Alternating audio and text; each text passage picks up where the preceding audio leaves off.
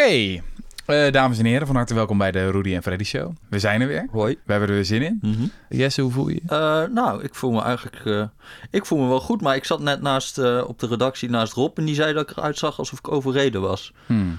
En hoe vind je dat ik eruit zie? ik vind jou er ook bijzonder fris en fruit Oh, dank je, dank je, dank je. Ehm, jullie zijn weer beland bij de Rudy en Freddy Show van De Correspondent. Ehm, en we gaan het vandaag hebben over niets minder dan Handel. Ja, globalisering, Ja. handelsverdragen, TTIP, CETA, al die dingen.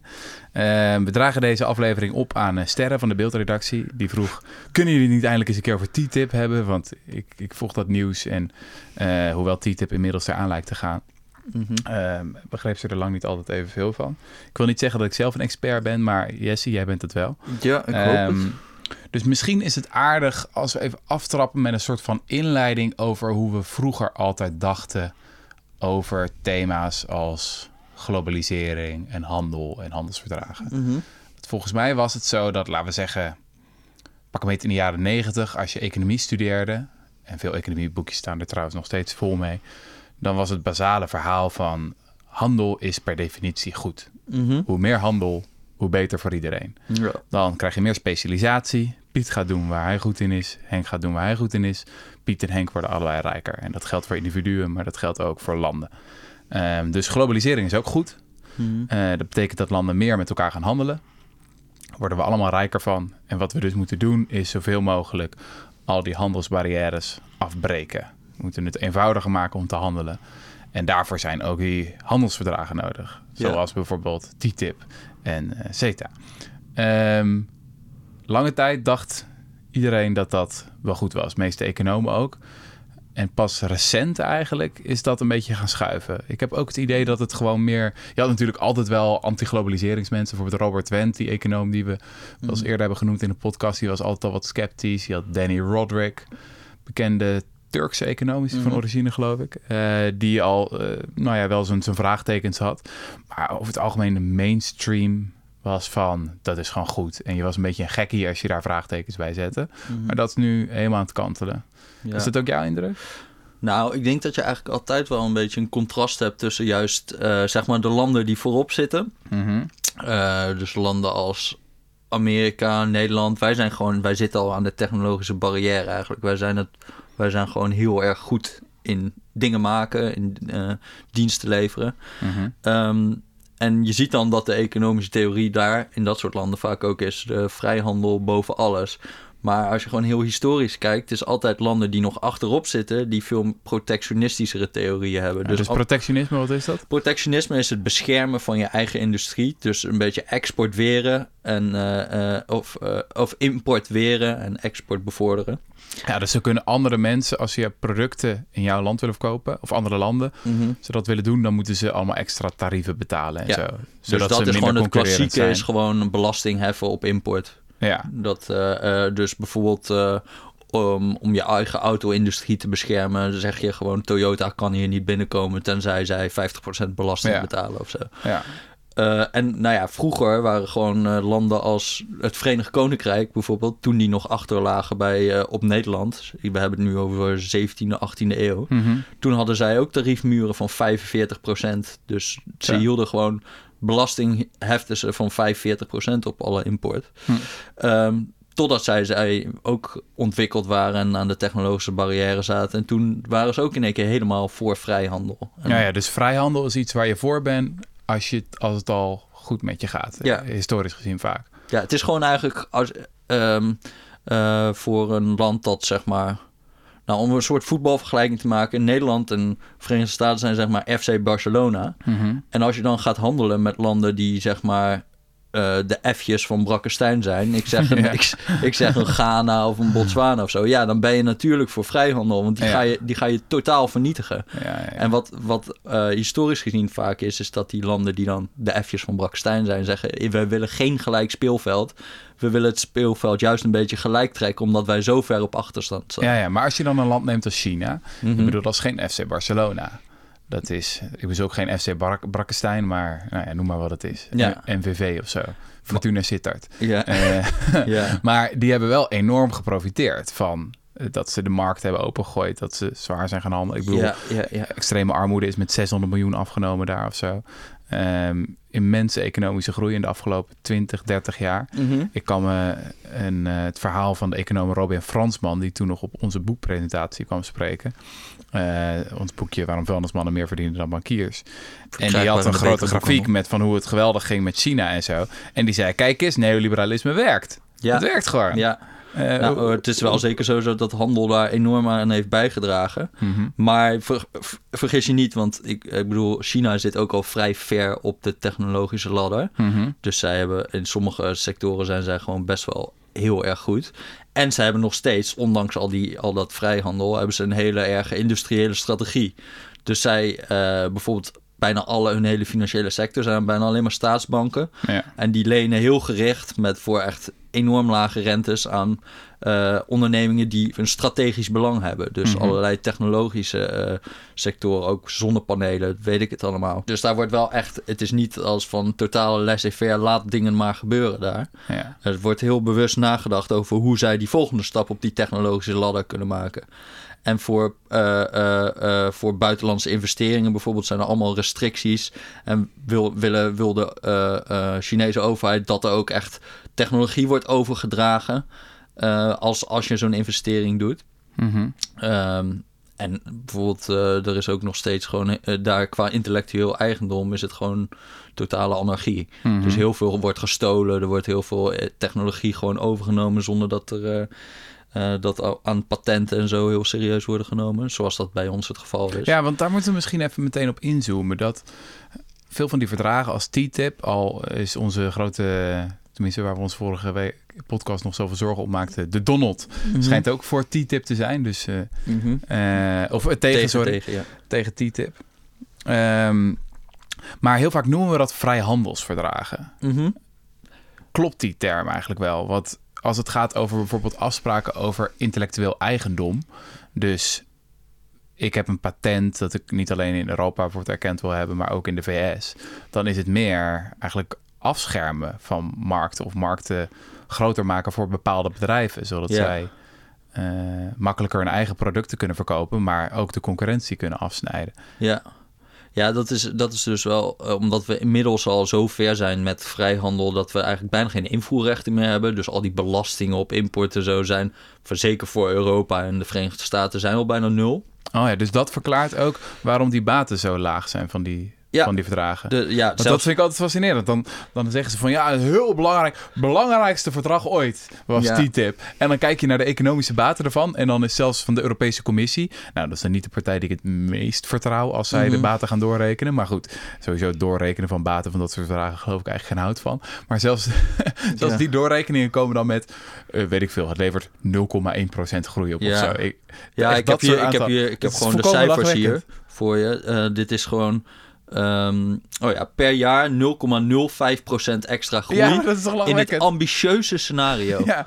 Dus, en het ambitieuze scenario is dan ook nog, zeg maar, dat eh, eh, de regels die er in Amerika gelden, gelijk worden getrokken met de regels die onderling in Ja. Europa gelden. Dus dat gaat nooit gebeuren. Dat ligt niet eens op, de, op maar dat, tafel. le- dat is dan ook geen globalisering, toch in de zin van niet extra vrijhandel dat het nou, oplevert? kijk, of, wat, wat nu nog overblijft aan handelsbelemmeringen, is gewoon vaak regelgeving. ja. Dus bijvoorbeeld dat, eh, dat je in, eh, voor medicijnen in Amerika moet je dan bij de toezichthouder het registreren. En dan moet je het in Europa apart registreren. En alle twee Ja. die autoriteiten hebben verschillende regels.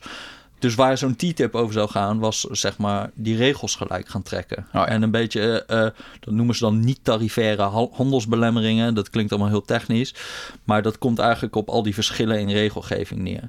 Eh, ja, ja, dus een, een grote handelsbelemmering is gewoon een belasting van 10% of zo. mhm. Die hebben we allemaal al afgeschaft, Mhm. zo'n beetje.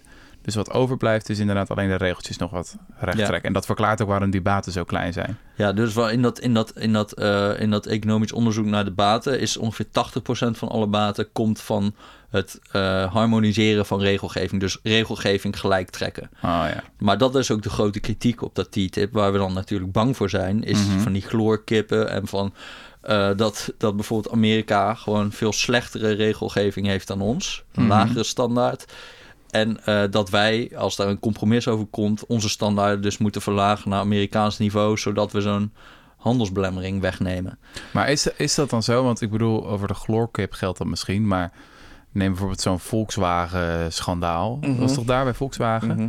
Dat hebben de Amerikanen ontdekt. Dat wij eh, hier, of althans dat Volkswagen de boel zat op te lichten met de, de CO2-uitstoot van dieselwagens. Nou, Zijn ik die denk dat we Amerikaanse regels sowieso- niet veel chiller? Moeten we die niet gewoon ja, we hebben sowieso een beetje verkeerd zelfbeeld in, op dat soort aspecten. Want bijvoorbeeld dieselauto's waren in Amerika echt veel strenger gereguleerd. Mhm. Dus waar wat dan het dieselschandaal heet in Amerika. Nou ja, in Europa zou dat überhaupt niet aan de orde zijn. Omdat onze standaarden nog veel lager zijn voor auto's. Mhm. Door, nou ja, ik weet niet, je zou kunnen zeggen de Volkswagen lobby hier. Ja, Eh, maar wij rijden ook veel meer diesel dan in Amerika, Ja. omdat de regelgeving zo zwak is.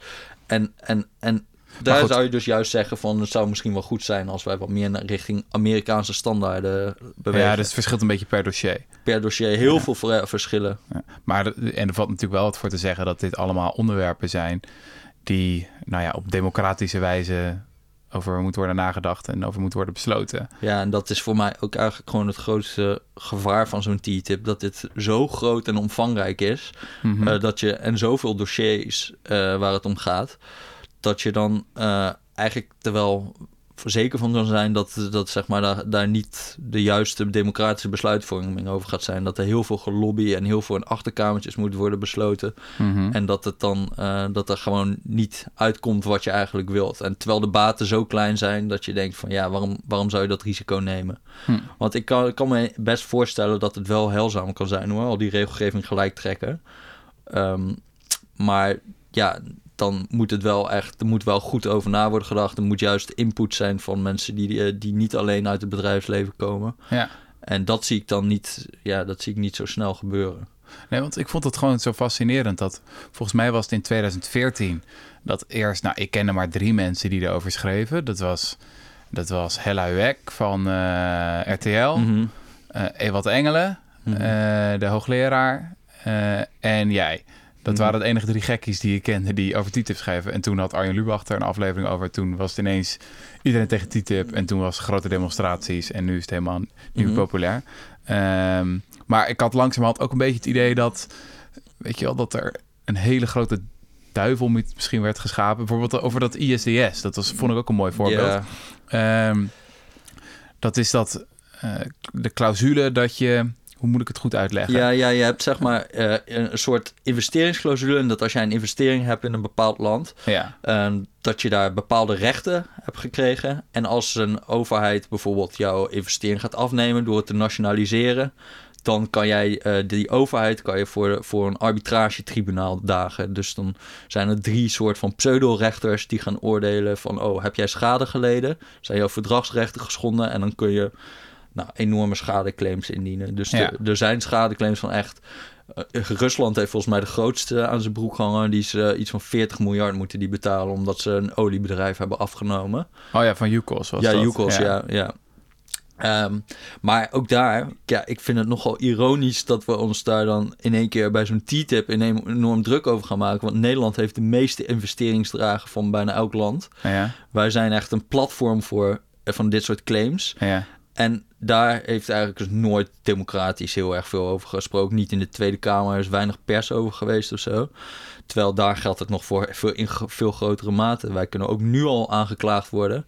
Alleen dat zijn niet allemaal van die grote verdragen... waar de hele Europese Unie met de hele Ja, Verenigde ja. Staten doet... maar alles van Nederland met Zimbabwe, Nederland met Zuid-Afrika... Nederland met Indonesië. Dus het hangt daar al aan elkaar van dit soort Ja, ja dus er zijn er al heel erg veel van Ja. dit soort verdragen. En dus er is toch ook wel iets voor te zeggen. Ik bedoel, stel, jij bent eh, bedrijfje Piet Flut uit, eh, weet ik veel, Mhm. eh, China... en je wil in Nederland een grote fabriek neerzetten. En dan zeggen die Nederlanders in één keer van... ja, we hebben een nieuwe wet, die fabriek moet gesloopt worden. Dan heb je net allemaal zitten investeren. Dat is toch wel logisch dat je dan een rechtszaak kan beginnen. Alleen de vraag is, moet je die rechtszaak in Nederland onder het Nederlands recht kunnen... eh, want weet je wat het eigenlijk is? Zo'n investeringsverdrag is een soort, zo'n, uh, arbitragetribunaal is een motie van wantrouwen tegen de nationale rechtspraak.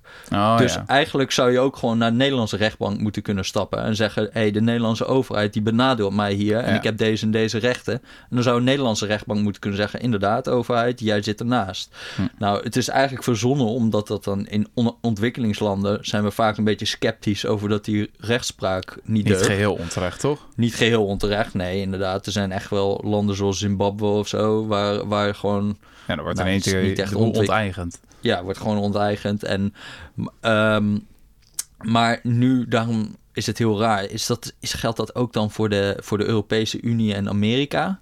Ik bedoel, daar wilden we ook in het TTIP-verdrag... wilden we ook, zeg maar, zo'n zo'n eh, internationale rechtbank gaan eh, oprichten. Mhm. Maar ja, wie, vertrouwen we dan de Amerikaanse rechtspraak niet? Vertrouwen we de Europese rechtspraak niet? Wij zijn toch de meest ontwikkelde eh, rechtsstaten zo'n beetje Hm. op de wereld. En dan ga je er nog een laag aan investeringsbescherming bovenop zetten... door dan zo'n internationale rechtbank op te richten. Dus je kan je afvragen wat voor doel dat dient, behalve dat die... En er zijn wel echt heel veel vragen die je kan stellen... over hoe onafhankelijk die, eh, eh, die tribunalen zijn. Mhm. Dus, dus zie jij... Jij bent geen voorstander van TTIP, toch, uiteindelijk?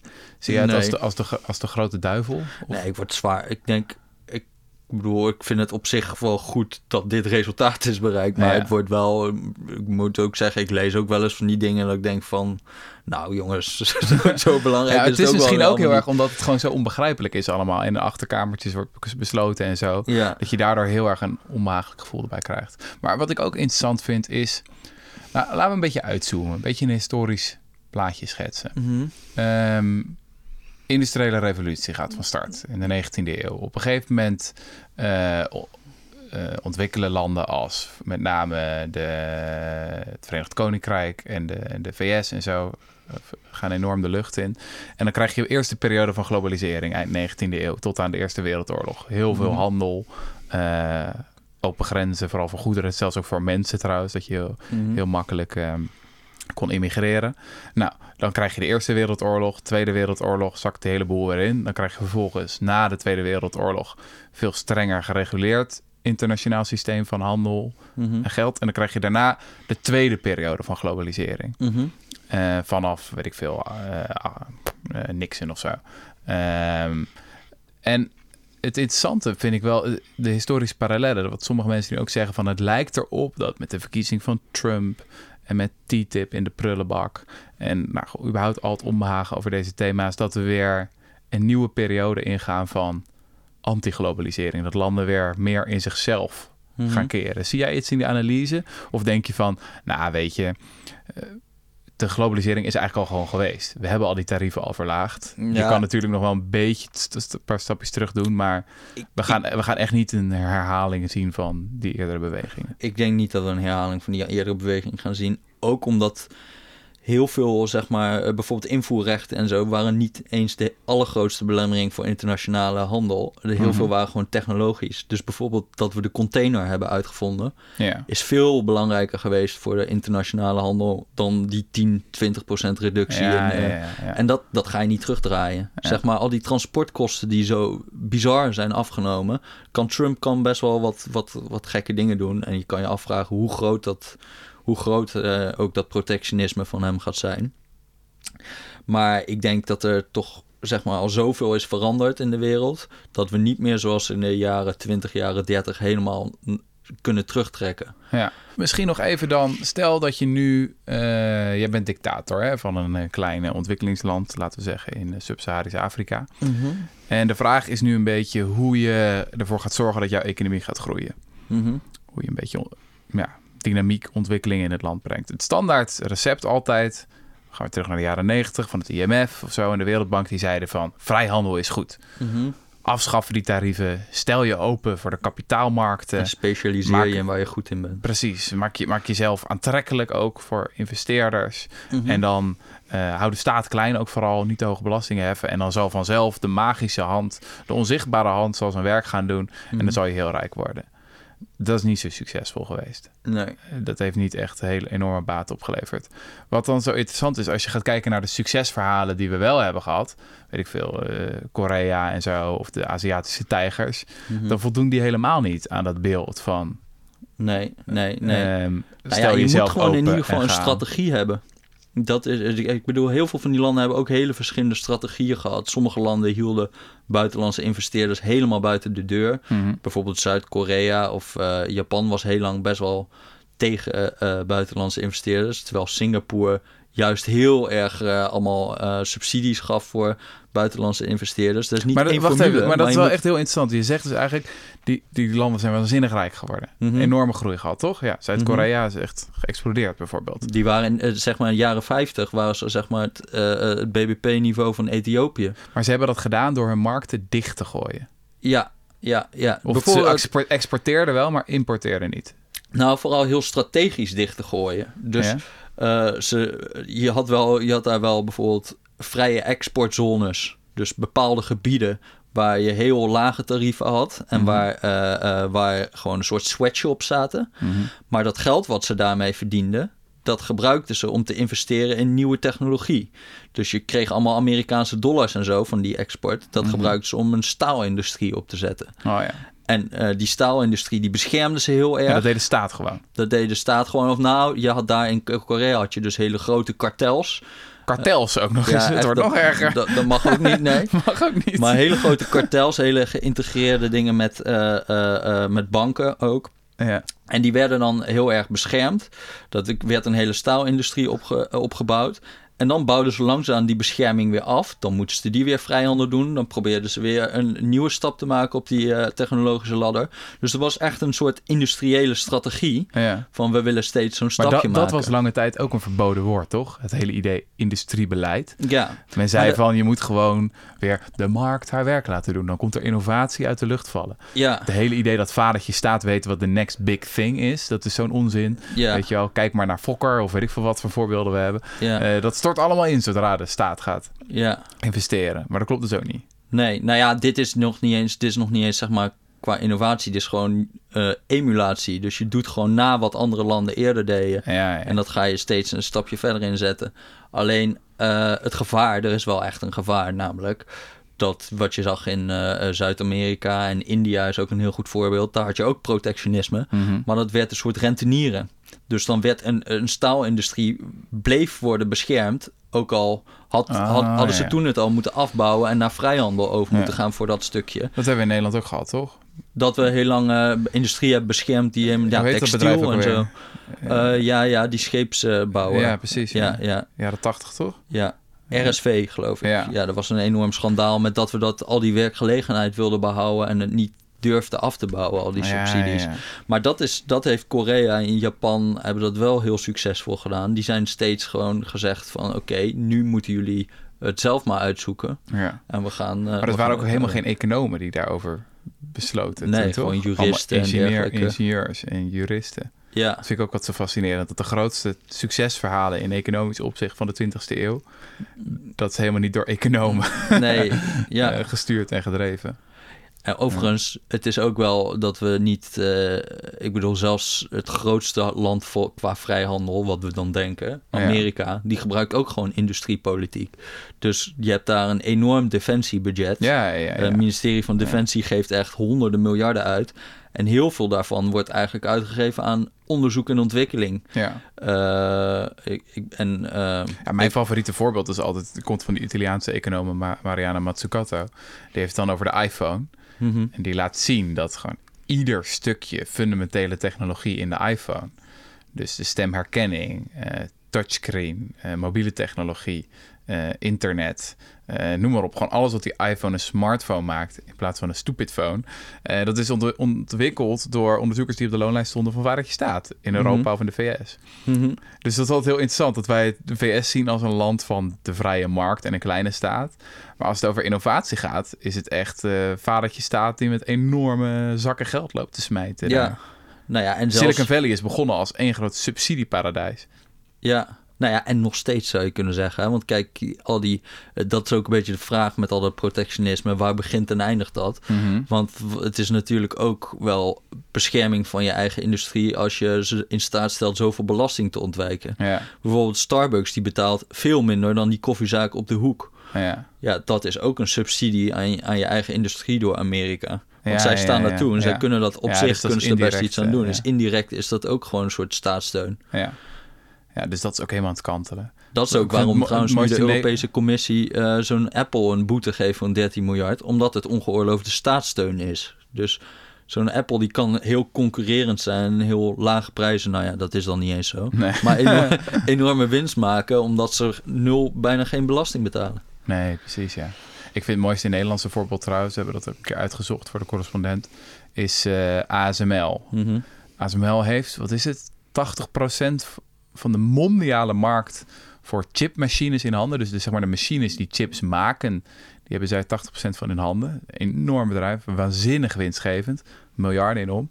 Ehm, en zij zijn dus ook echt begonnen als subsidieklantje van het eerste uur. Mhm. is echt miljoenen ingepompt door de Nederlandse staat eind jaren 80. En terwijl toen al die concurrenten failliet gingen, omdat die markten toen heel moeilijk hadden, had, bleven zij overeind. Nou, het is heel interessant als je dan de kranten terug gaat lezen, dat in NRC Handelsblad en zo, en er stonden er allemaal verontwaardigde commentaren van, oh, waar het je staat, weet het wel weer beter en zo. En Mhm. eh, allemaal verspild geld, één groot schandaal en zo. Zonde, eh, hou ermee op. En nu is dat gewoon een waanzinnig succesvol bedrijf dat zo'n beetje in zijn eentje de beroemde wet van Moore in stand houdt. Mhm. Dus de wet van Moore is dat iedere twee jaar geloof ik chips twee keer zo snel worden. Mhm. Nou ja, dat is gewoon hun productieschema. Dus dat vond ik ook fascinerend om te ontdekken. Dat, Mhm. Toen dacht ik, weet je wel, is, die, is het een soort van natuurwet? Nee, het is gewoon ASML in Eindhoven heeft dat gewoon als productieschema Ja, in zijn ja, hoofd. ja. Dat is gewoon eh, hun Maar planning. dat is ook een soort historisch constante. Gewoon iedereen. nu is Nederland natuurlijk helemaal vrijhandel en zo. Maar als je kijkt hoe wij groot zijn geworden, er zijn heel veel dingen waar we nu enorm voor pleiten. die we zelf nooit hebben gedaan toen wij ons ontwikkelden. Een van de grote dingen, nou ja, we hadden het net al even over intellectueel eigendom. Mhm. Als je nu kijkt waar de meeste van die handelsverdragen of de grote dingen in de Wereldhandelsorganisatie over gaan, dat is het versterken van intellectueel eigendom. Dus bijvoorbeeld, eh, je had het TRIPS-verdrag, dat is volgens mij begin 2004 of Mhm. 2003. En dat ging over eh, eh, intellectueel eigendom. En dan moesten al die ontwikkelingslanden bijvoorbeeld copyrights tot 50 jaar toestaan. Ja, Dus dus dat is dus intellectueel Dus eigendom. eigendom, Ja. ja. Dus dat je een uitvinding hebt gedaan en ervoor kan zorgen dat het jouw ding blijft. Ja, of medicijnen, dat je die 15 jaar exclusief alleen maar één fabrikant zo'n medicijn mag maken. Ja. eh, dat soort dingen. Mhm. Nou, kijk je naar zeg maar twee van onze grootste bedrijven in Nederland. Philips, die werd groot door de gloeilamp. Mhm. De gloeilamp was geen Nederlandse uitvinding. Dat kwam uit eh, Edison. Edison. Ja. Ja. en in het Verenigd Koninkrijk, eh, alles, eh, Nederland die had in de 19e eeuw waren we een soort piratennest, want wij hadden geen patentrecht. Mhm. En overal in de rest van, van Europa, ironisch genoeg overigens, hadden we geen patentrecht omdat we zulke vrijhandelaars waren. Dus al die eh, liberalen in Nederland, die zeiden allemaal van nou, wij, wij willen geen monopolies hier. Ja, wij, willen, ja. wij willen dit tegenhouden. Dus Ja. eh, in Engeland waren, ging Edison helemaal tekeer. Die gingen alle die gloeilampproducenten ging die aanklagen. En die werd de hele gloeilampindustrie werd kapot gekond. Kon niet. Dus al die mensen weken uit naar, eh, naar Nederland. En daar heeft Philips toen enorm van geprofiteerd. Ah, En die heeft toen de gloeilampenindustrie kunnen opzetten. En nu is het onze grootste multinational. Dat geldt overigens ook voor Unilever. En die zit nu zeker keihard te margarine. lobbyen, eh, Philips, als andere hun patenten Ja, en in China bijvoorbeeld worden al die LED-lamp dingen, daar wordt allemaal eh eh, Oh, ja, wordt zit, gekopieerd. zit Philips te, te lobbyen en rechtszaken aan te spannen tegen de Chinezen. Ja, ja, ja, ja, ja, Ja, precies. dat, maar dat is dus ook eh, gewoon totaal ironisch. Want dat gebeurde vroeger ook altijd. Gewoon technologie jatten. Het is een soort van wet van de hypocrisie is hier eigenlijk. Ja. Dat altijd degenen die succesvol zijn geworden, dat die boos worden als anderen ook succesvol willen worden op precies dezelfde manier zoals zij ooit succesvol zijn Ja. geworden. Ja, je hebt zo'n boek van die eh, Koreaanse econoom Ha Jun Chang. En dat Ja. heet Kicking Away the Ladder. En dat gaat eigenlijk hierover dat ze altijd de ladder wegschoppen... zo gauw ze er zelf op zijn geklommen, zeg maar. Oh ja, een mooie metafoor. Ja, en daar heeft hij trouwens niet eens zelf verzonnen. Dat was een Duitse econoom, Friedrich Lies, die dat in de 19e eeuw zei over Engeland. Dat, die tegen, dat de Engelsen tegen Duitsland nu zeiden, jullie moeten overgaan op vrijhandel. Ja. En hij zei, ja, jullie schoppen gewoon de ladder weg waarop jullie zelf zijn. Ja, ja, ja. Ja, Dat is want dat is ook een, nog eh, wat ik net zei, bijvoorbeeld dat die transportkosten nu zo enorm zijn gedaald. mhm. Dat is eigenlijk ook een soort handelsbelemmering al. Die er vroeger was, die er, eh, die er nu niet meer is. Ja, Dus ja, je ja. zou, als je zelf de strategie wil doen als zeg zo'n Japan in de jaren 50, dan zou je waarschijnlijk veel hogere invoerrechtheffingen nodig hebben en veel meer protectionisme dan zij toen gebruikten. Ja, ja, ja. Omdat het sowieso al veel makkelijker is om handel te drijven. Oké, volgens mij moeten we even gaan samenvatten. Ehm, globalisering. Ja, In principe mooi, toch? En heel dat- mooi. En de, de grote Mits goed getimed. Ja, mits goed getimed. Eh, en de- er zijn enorme baten van geweest. Mhm. Zeker in de afgelopen 30 jaar, als je bijvoorbeeld de explosieve groei van een land als China of zo ziet. Ehm, het is een klein beetje overtrokken om nu te gaan zeggen dat we weer nou ja, een tijdperk van hele anti-globalisering terechtkomen en dat we weer helemaal teruggaan. Mhm. Al zal wel de rem erop komen. Simpelweg alleen al omdat we heel veel van de baten al binnen hebben. Mhm. Met verlaging van tariefmuren en zo. En dat we vooral, eh, nou ja, als het gaat over synchroniseren van regelgeving en zo, daar kunnen we beter wat terughoudend mee zijn en gewoon op democratische wijze naar kijken. Mhm. Ehm, vat ik dat zo goed samen? Dat vat jij dat, zo goed eh, samen, Dit denk het ik. standpunt is van de Rudy en Freddy show? Ja, dat lijkt mij wel. De Rudy en Freddy partij. Ja. Helemaal mooi.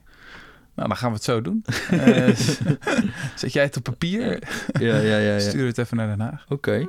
Nou, eh, luisteraars, dat was het dan, denk ik. Dit was hem, denk ik. Ik, ik hoop een beetje dat dit, eh, dat dit helder was. Sterren, ik hoop ook dat jij het eh, begreep. En, ook erg belangrijk, luister naar de andere podcast van de correspondent. Dan hebben we het over de legendarische Lex Bolmeijer. Ja, zeker. En ook de podcast van onze zeer gewaardeerde collega Johannes Visser. Misschien binnenkort trouwens ook in onze podcast. Ja, de podcast heet En Nu Luisteren. En dat wordt opgenomen door zijn leerlingen. Vrij geniaal. Ik zeg groetjes thuis. eh, de groeten.